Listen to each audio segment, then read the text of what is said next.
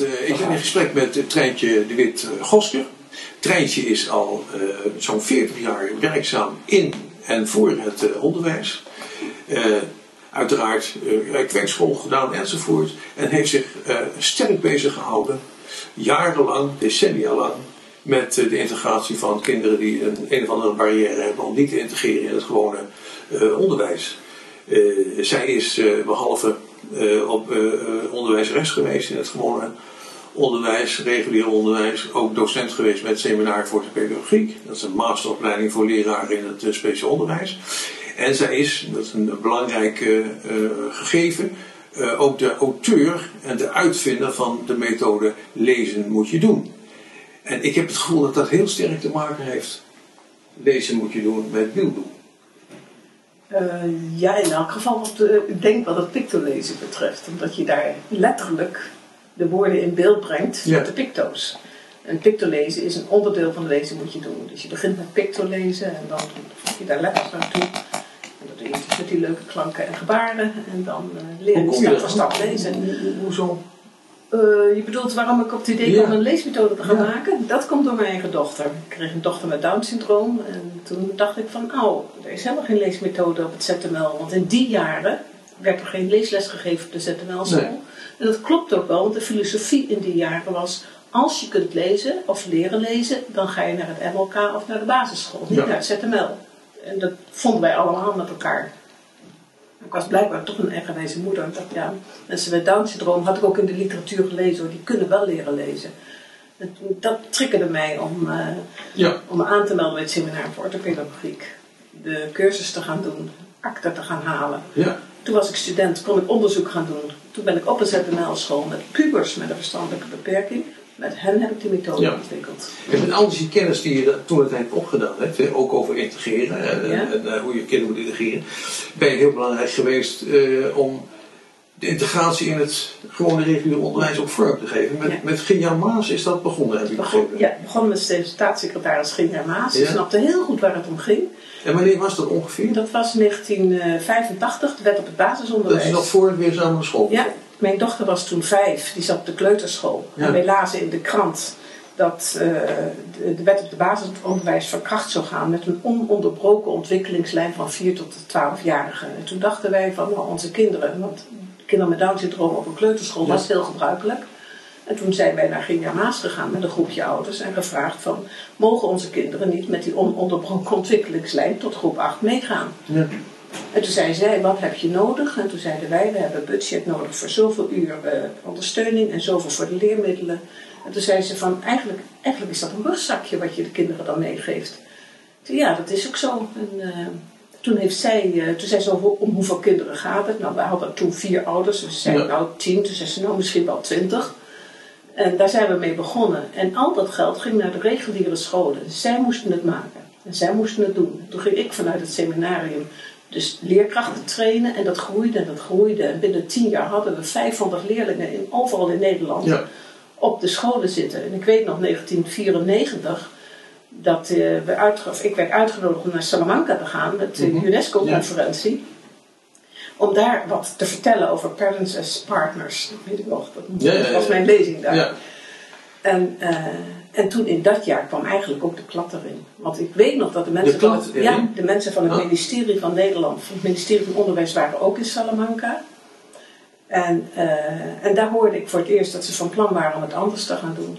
De, de, het geld ging niet meer rechtstreeks naar de basisscholen. Het geld zou gaan naar, naar een stukje zou nog gaan naar de basisscholen. Mm -hmm. Maar scholen voor speciaal onderwijs zouden ook budget krijgen om de scholen in het basisonderwijs te helpen. Ja. En daar is het misgegaan. Want dat werkt niet. Dat is een dilemma. Maar dat was toch weer samen naar school? Dat, dat samen was weer samen naar school. Ja. zouden worden gevormd. En daar gingen de zorggelden naartoe enzovoort. En dus is dat de fout? Toen ben ik, ja, dat was, de fout was dat het geld, uh, het budget ging grotendeels naar het speciaal onderwijs en die moesten de integratie gaan organiseren. Ja. En wij hadden tien jaar lang aangetoond dat je integratie moet, uh, moet stimuleren vanuit het reguliere circuit, vanuit de reguliere scholen, want die kunnen dat ja. als ze elkaar wel mogen helpen en bijgeschoold mogen worden. Ja. En opeens werd ik gevraagd, ik weet het nog, dat was in Utrecht, in de Pepperbox Ik werd gevraagd door het ministerie ja, of ik dan weer samen naar school wilde leiden. In, in Almere was dat. Dat was een miljoenenproject. Ja, weet ik toch. Ja. En ik heb nee gezegd. Inmiddels zijn we zo'n zo'n 30 jaar bezig en uh, nog steeds heb ik niet het gevoel dat het nou echt uh, geïntegreerd Ik heb bijvoorbeeld dat stuk wat net verschenen is van uh, Hans Schoemel ja? over het passend onderwijs en de hele integratie, inclusief onderwijs zelfs. Heb je niet de indruk dat dat ook een beetje komt doordat leraren wat dat betreft niet voldoende zijn opgeleid? Nee hoor, ik denk dat, uh, ik geloof daar heilig in. We waren heel goed op weg. Leraren uit het basisonderwijs die voeden voor integratie. Die, die eerst, je moet eerst dat vuurtje hebben. Dat je zegt, Ja. de kinderen horen erbij. En de leraren die dat willen, die laten zich wel nascholen. Maar wat gebeurde er na 1995? Dan kwam er iemand uit het speciaal onderwijs die moest die begeleiding doen. Wij mochten dat niet meer zelf doen. Tot die tijd deden wij dat zelf. Je weet Ja, nog wel in ja, het seminarium, in het auditorium. We hadden zo'n 150 leerkrachten uit het basisonderwijs die we, aan wie we nascholing gaven. Ja. En eh, Nee, daarna- maar, maar waar is ze ook toe in, in, in staan? Want Ja. ook nu dat met dat, passend onderwijs een van de motieven geweest waarom wij eh, eh, met dat model zijn gaan bouwen, het Bios Agra model. Omdat we dachten van eh, er zit er weinig eh, culturele en maatschappelijke bagage bij die mensen om creatief om te gaan met hele nieuwe situaties. En men blijft iets te veel steken. En, en wanneer word je nou creatief? In, in het oplossen van je problemen. Als ik op mijn basisschool met mijn, kinderen, met, met mijn kind met een handicap mag praten met andere leerkrachten van andere basisscholen die hetzelfde meemaken. En als je dat niet doet, maar dat je die mensen uit de basisschool laat begeleiden door mensen uit het speciaal onderwijs, Nee, nee, dat is niet de dat methode. werkt niet. Nee, nou, en dat is ja. wat er gebeurt. Ja. Dus we moeten, dat, we moeten de kracht van deze mensen in het regulier onderwijs, die het hart hebben, en de instelling, want dat is wel nodig hoor. Hebt Ja. ook mensen die zeggen van nou, wat had ik zelf Nee, ook. precies. Ja, ja. Je moet hard werken. Nee, en, maar en creatief ook- zijn en, en oplossingsgericht denken. En, en ruimte krijgen. ja. En dan in overleg met andere leerkrachten die voor hetzelfde staan. En dan kom je samen tot oplossingen. Ja. Daar geloof ik heilig in. Ik denk dat juist met die mentaliteit van Building dat je heel dichtbij zit bij die integratiegedachte van eh, mogen worden wie je bent, Mhm. eh, kijken naar een kind, eh, inspelen op de mogelijkheden van dat kind in deze omgeving. En je omgeving is daar waar je woont en waar je op school zit. Ja. Dus dat past heel, dat past naadloos. Als je maar de mensen zelf ook de kans geeft en de middelen om hun eigen problemen te Ja. mogen oplossen met mensen die hetzelfde probleem hebben. Wat wij deden in de tijd, dat was, eh, wij maakten geen, wij hoefden niet van tevoren te zeggen welk doel je wilde bereiken met jouw kind met een handicap in de reguliere school. Het laat zich ook niet vertellen natuurlijk, want je, je ontwikkelt je anders dan gepland. Maar nu moeten ze van tevoren al zeggen welke doelen je dat jaar wil gaan halen. Ja. Nou, dat hoefden wij niet. Wij, Maar geldt dat voor alle kinderen? Ook kinderen met een nu wel, belemmering? nu wel. Ja, juist. juist. Ja? Om, om het rugzakje gevuld te krijgen, moest je na 1995 moest je van tevoren je doelen gaan bepalen. Ja. Tot 1995 hoefden wij alleen maar aan het eind van het jaar maakten de scholen een verslag. En dat verslag dat ging naar de inspectie. En dat ging naar de ouders. En dat ging naar mensen van onze organisatie die Ja. het begeleiden. Wat natuurlijk ook een beetje vreemd was, want we waren helemaal geen inspectie. Maar we Ja. begeleiden het proces. Dus het is eigenlijk zo simpel. Ja. Dus kijk naar dat kind en help hem, geef veiligheid. Leer de andere kinderen dat gedrag wel eens een beetje anders is. En dat je met elkaar probeert om het gedrag zo te maken dat het voor iedereen prettig is. Want dat moet wel. Ik geloof niet in integratie als de sfeer niet goed is op school. Ja, dat is natuurlijk cruciaal dat er een hele goede sfeer op school is. Dat er een goed, goed team staat eh, die, die eh, het eh, goed met elkaar kan vinden, die elkaar ook prikkelt in allerlei. dat is wat we ook proberen te bereiken met dat biologisch model. Dat men op die manier ook Ja. breder gaat denken, maar ook het interessant vindt om allerlei wetenswaardigheden en kennis en aan elkaar over te dragen en met elkaar te organiseren. Je hebt een verhaal geschreven over een, een, eh, een jongen van eh, 16, Alfons, in het speciaal onderwijs. Heb je het gevoel dat dat team wat daar bezig is, eh, eh, die kansen aan de Alfons gaan bieden? Ja, natuurlijk. Die doen ook hun best. Iedereen Die doen hun best, ja. Natuurlijk, ja. Ja. ja. dat denk ik wel. Je geeft mij een voorbeeld. Ik heb, ik, het is een jongen uit mijn eigen klas uit die Ja. tijd. Eh, ik heb hem dus een tijd gevolgd, daarom kan ik ook makkelijk over hem schrijven. Uh, had meer leerkrachten. Ik was, ik was alleen de docent die het onderzoek deed rond het lezen. Dus ik was dan een soort gastdocent, zal ik maar zeggen. Maar ik kwam die jongen dus elke week weer tegen. Ja. Wat heeft zo'n jongen van 16, die dus in het VSO zit en straks van school afgaat, wat heeft deze jongen nodig in het onderwijs?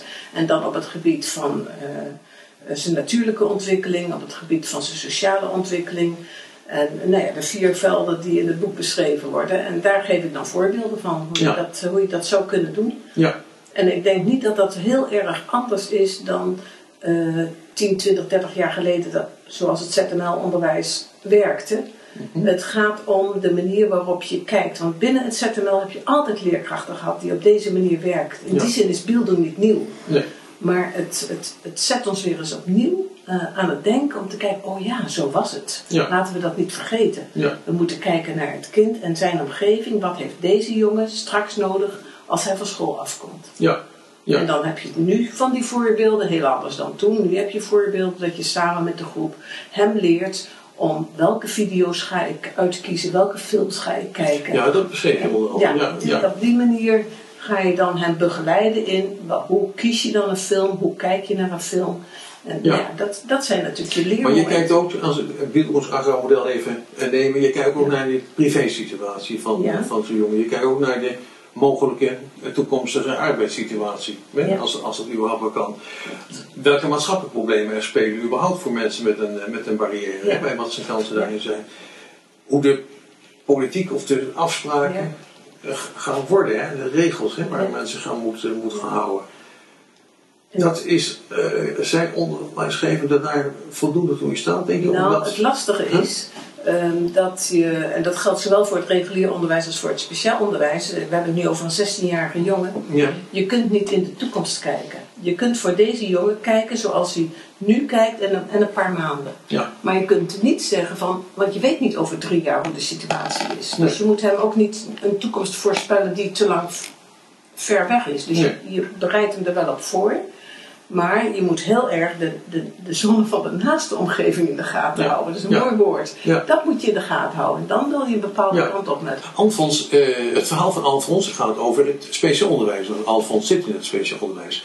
En de vraag is, eh, kan Alfons nu ook, zou hij ook in het gewone reguliere onderwijs kunnen zitten? Zou men daar voldoende begeleiding kunnen geven en voldoende kansen aan, aan zijn ontwikkeling kunnen ja, als, als, als Alfons dat, uh, of eigenlijk moet ik zeggen, als de ouders van Alfons dat zouden willen, dan zou het in principe natuurlijk, in principe is het natuurlijk altijd mogelijk. Als het de wil er is en de mogelijkheden zijn er, dan kan het. Dat heb je ook gezien in, in, in de wereld, zijn voorbeelden genoeg dat dat echt kan als er genoeg hulp is. Ja.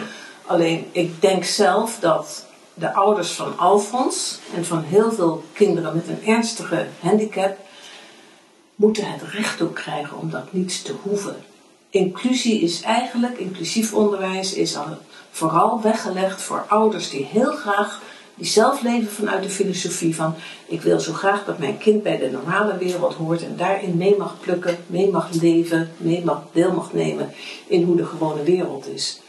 Dus uh, in, in, jouw visie ook, speciaal onderwijs, moet in alle settingen plaatsvinden. Dus inclusief, uh, als speciale school. ja je kunt je voorstellen dat je als maatschappij ouders gaat dwingen om hun kind naar een reguliere school te sturen. Dat kan alleen als het hele onderwijssysteem daarop geënt is. Dan kun je, maar. Ja. Nog één laatste vraag. Uh, want we hebben dus gekozen om als eerste boek uh, uh, uit te geven in het speciaal onderwijs. Ja. En ja, er zijn mensen die daar hun vraagtekens dan bij, bij stellen. Van, nou ja, kunnen die kinderen dat uh, wel. Hè? Juist. Ja. Juist. Nou ja, precies. Ja. Waarom juist? Juist omdat je in het speciaal onderwijs heb je veel meer de mogelijkheden dan in het regulier onderwijs om uit te gaan van de mogelijkheden van het kind en de omgeving van het kind te bekijken. Dus het is denk ik zelfs makkelijker als je vanuit de beelding werkt om dat vanuit het speciaal onderwijs te doen, dan wanneer je vanuit het regulier onderwijs. Want je hebt daar geen last van, van uh, ja, ze willen ook wel ja. toetsen en zo. Ja. Ja.